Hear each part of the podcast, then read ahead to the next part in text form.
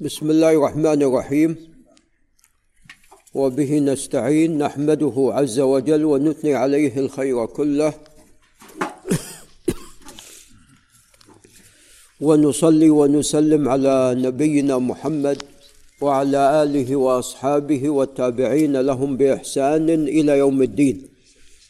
أما بعد فقال مجد الدين أبو البركات عبد السلام بن عبد الله المعروف بابن تيمية الحراني في كتابه المنتقى من أحاديث الأحكام. قال باب الرخصة في اللباس الجميل. واستحباب التواضع فيه. وكراهة الشهرة والإسبال. هذه الترجمة تضمنت عدة مسائل. المسألة الأولى حكم لبس اللباس الجميل. والمقصود هنا بالجميل اللباس الفاخر. هذا هو المقصود بالجميل. المسألة الثانية استحباب التواضع في ذلك أي في اللباس. وأن الإنسان لا يكون دائما يلبس اللباس أو الثياب الفاخرة. المسألة الثالثة كراهية لباس الشهرة كما سوف يأتي. المسألة الرابعة كراهية الإسبال فإذا هذه أربعة مسائل تضمنها هذا الباب. أما ما يتعلق في المسألة الأولى وهي الرخصة في اللباس الجميل. فأقول وبالله تعالى التوفيق ثبت أن الرسول صلى الله عليه وسلم في بعض الأحيان لبس لباسا فاخرا.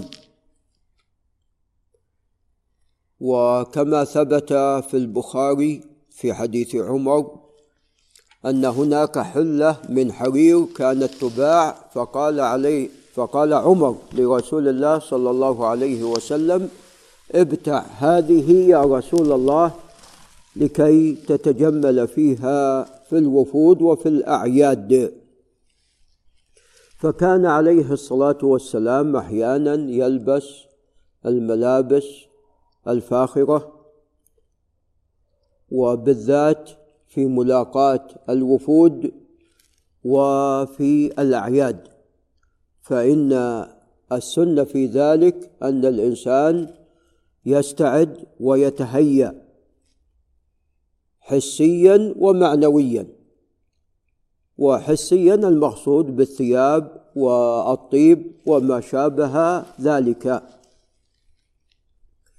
ومع الأسف اليوم حصل تساهل عند الناس.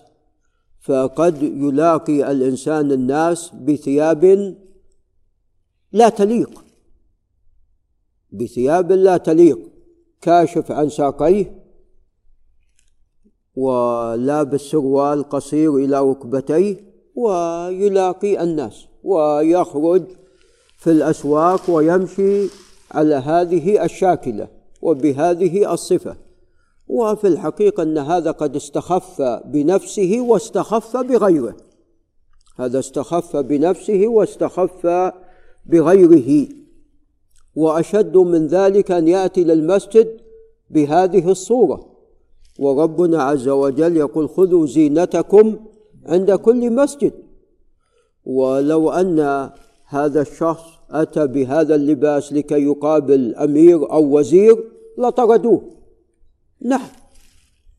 فلا شك أن هذا يعني بالإضافة إلى أنه نقص في الدين هو نقص في العقل.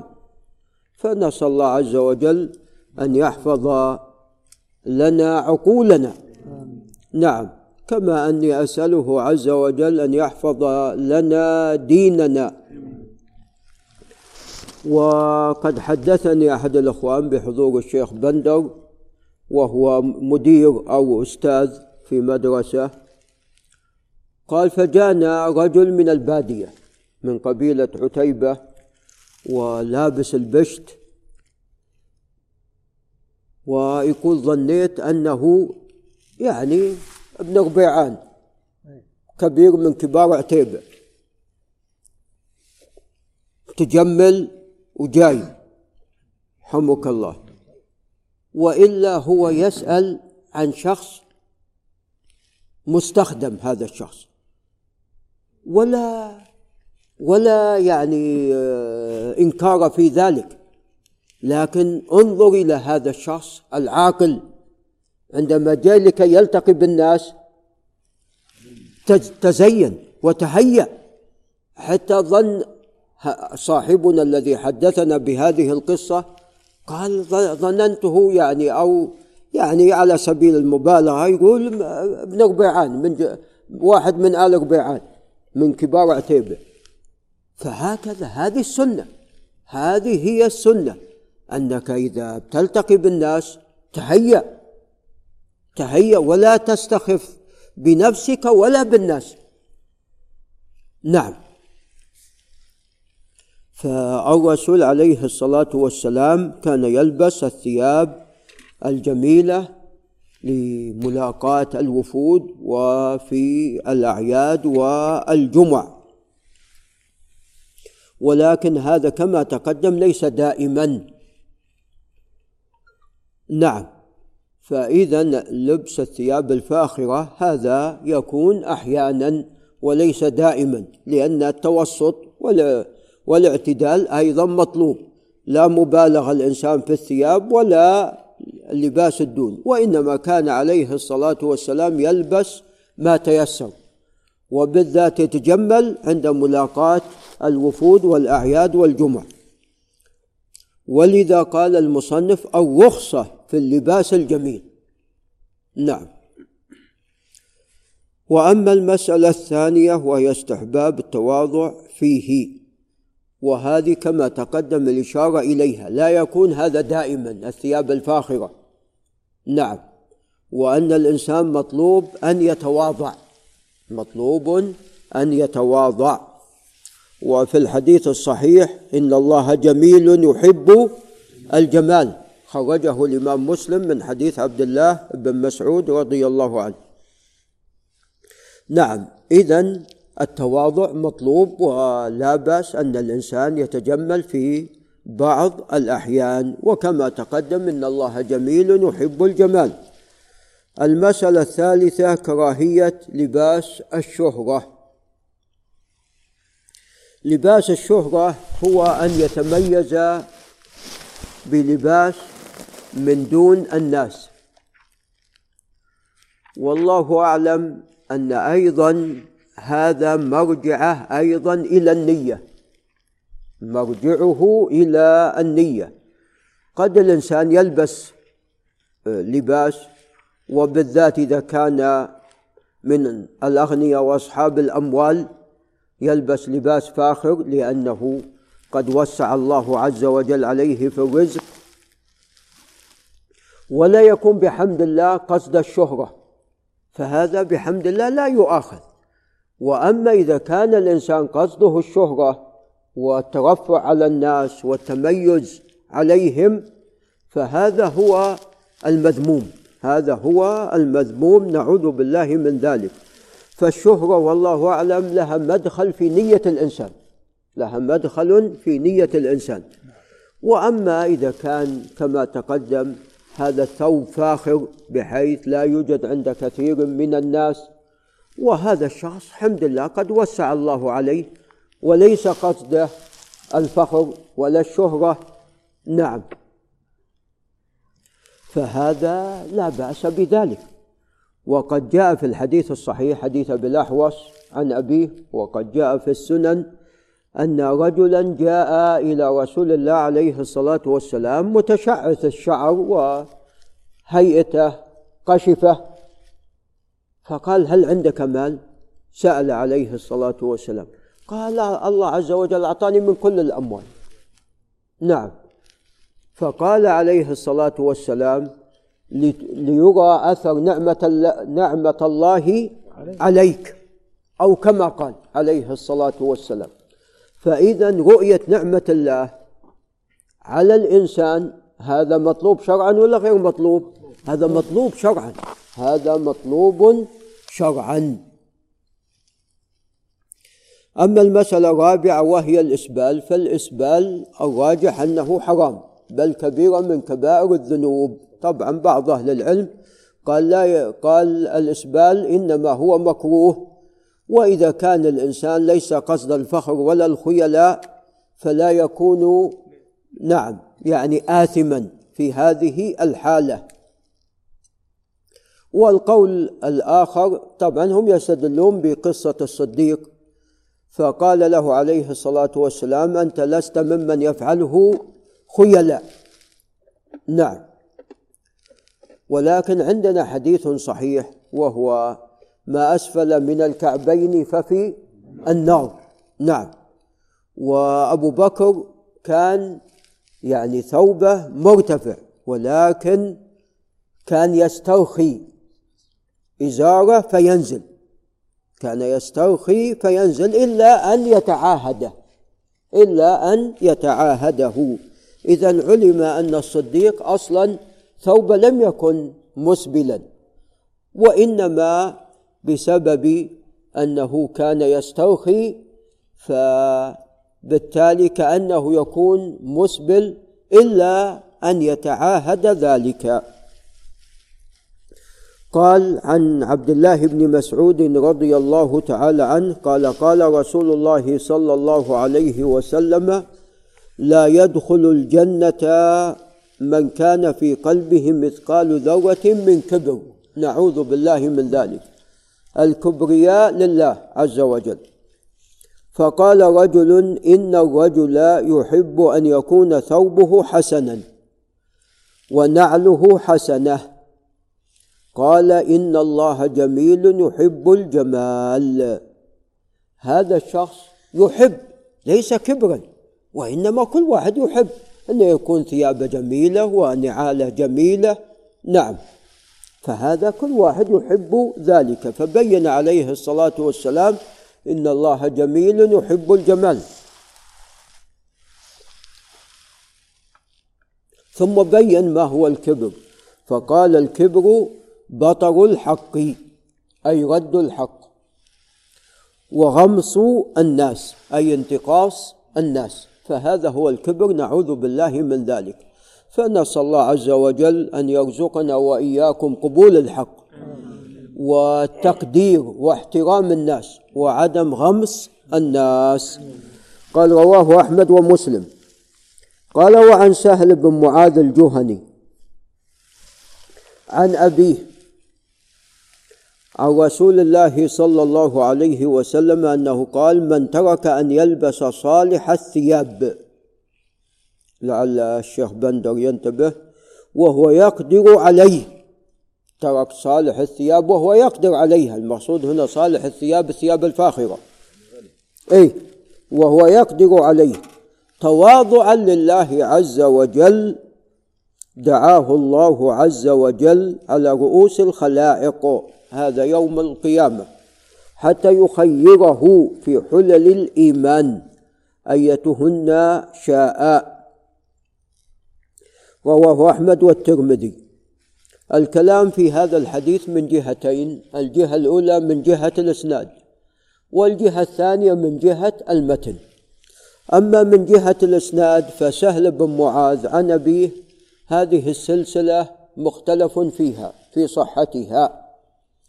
فهناك من ضعف سهل بن معاذ وهو يحيى بن معين قد ضعفه. وهناك من قوى سهل بن معاذ كالعجلي. نعم. وأنا أميل إلى قول يحيى بن معين. أنا أميل إلى قول يحيى بن معين. هذه السلسلة سهل بن معاذ عن أبيه فيها عدة أحاديث فيها عدة أحاديث يعني نحو عشرة أحاديث ونحو ذلك. نعم. ومعاذ الجهني لم يثبت أن أحدا روى عنه سوى ابنه سهل. فصحبته والله أعلم يعني ما حد أخبر بأن له صحبة غير ولد سهل. كان كل من طريق ابنه سهل. ولذا الترمذي لم يصحح حديث بهذه السلسلة. وأما النسائي فلم يخرج منها شيئا أصلا. نعم أبو داود خرج. ابن ماجه خرج. الإمام أحمد في مسنده خرج. حمك الله. ابن خزيمة خرج بعض الأحاديث بهذه السلسلة. وأنا أميل والله أعلم إلى عدم ثبوتها. ويحيى بن معين قد ضعف سهل بن معاذ. وذكرت بعض الأحاديث التي جاءت بهذه السلسلة وفيها بعض الشيء من حيث المتن. من حيث المتن. وقد تكلمت على هذا من قبل. إذا هذا الحديث في صحته نظر لما تقدم لعل الابن أنس ينتبه. قال وعن ابن عمر رضي الله تعالى عنهما. قال قال رسول الله صلى الله عليه وسلم من لبس ثوب شهرة في الدنيا ألبسه الله عز وجل ثوب مذلة يوم القيامة. نعوذ بالله من ذلك. والجزاء من جنس العمل. الجزاء من جنس العمل. إن كان خيرا فخير وإن كان شرا فشر قال الله تعالى هل جزاء الإحسان إلا الإحسان؟ فالجزاء من جنس العمل. ولذا في سنن أبي داود أتى شخص بناقة كوماوة مخطومة ضخمة كبيرة. فقال عليه الصلاة والسلام لك بها في يوم القيامة سبعمائة. نسأل الله من فضله. والعكس بالعكس نعوذ بالله من ذلك. ناقة. أي نعم نعم. فالجزاء من جنس العمل. قال من لبس ثوب شهرة في الدنيا ألبسه الله عز وجل ثوب مذلة يوم القيامة قال رواه أحمد وأبو داود بن ماجه. هذا الصواب أنه موقوف وليس بمرفوع مرفوع لا يصح. كما قال أبو حاتم الرازي قال موقوف أصح. قال وعن ابن عمر رضي الله عنهما قال قال رسول الله صلى الله عليه وسلم من جرى ثوبه خيلاء لم ينظر الله إليه يوم قال إنك لست ممن يفعل ذلك خيلاء. رواه الجماعة إلا أن مسلما وابن ماجه والترمذي لم يذكروا قصة أبي بكر. هذا الحديث كما تقدم تقدمت الإشارة إليه.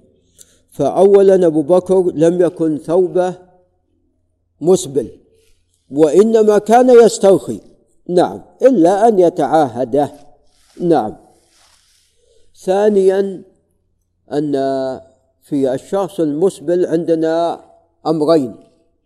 الأمر الأول الإسبال والأمر الثاني إذا كان ثاني معصيتان هاتان معصيتان. واحدهما تنفك عن الأخرى. قد الإنسان يلبس ثوب طويل ولكن لا ليس قصده الخيلاء وقد يكون الإنسان يعني يلبس ثوب وليس مسبلا ولكن قصده الخيلاء وذلك عندما يختار كما تقدم الثياب الفاخرة وقصده يختال فيها. فهذا يؤاخذ حتى ولو لم يكن خيلاء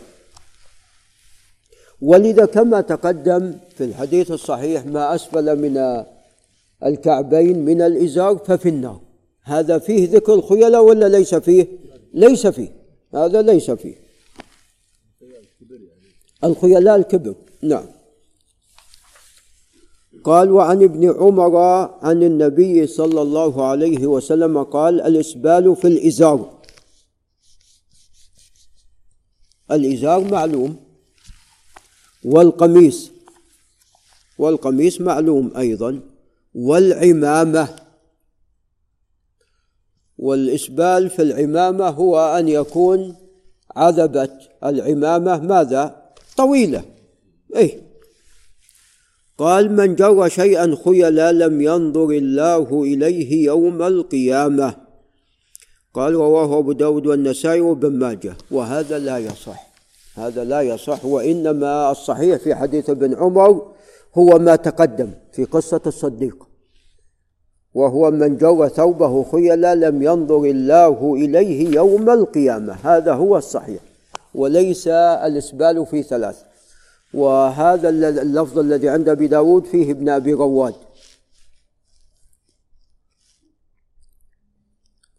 قال وعن أبي هريرة عن رضي الله عنه عن النبي صلى الله عليه وسلم.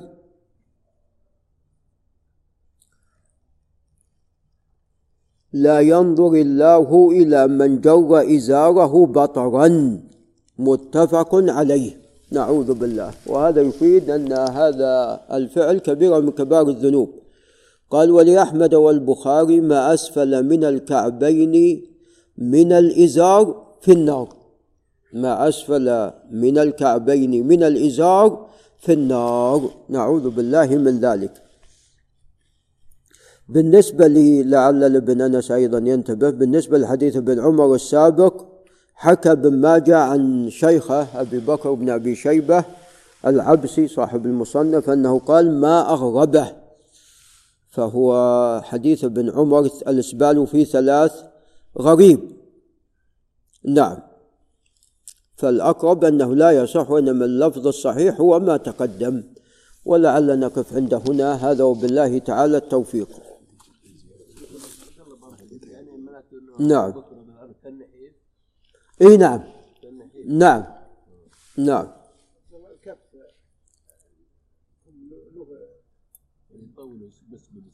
والله هو تقدم عندنا الحديث وفيه ضعف ان كان عليه الصلاة والسلام كمة إلى رسغه أي ومع أن أيضا هذا فيه ضعف. طبعا هذا هنا يعني كلام فيه. يقول وأصل البطر هو بفتح الباء والطاء الطغيان عند النعمة. وبطر الحق أن يجعل ما جعله الله تعالى من توحيده وعبادته باطلا. من توحيد وعبادة باطلا. وقيل التكبر عن الحق. نعم البطر رد الحق. نعم. وغمس الناس احتقارهم. نعم. ولعل نقف عند هنا نقرأ في ابن ماجه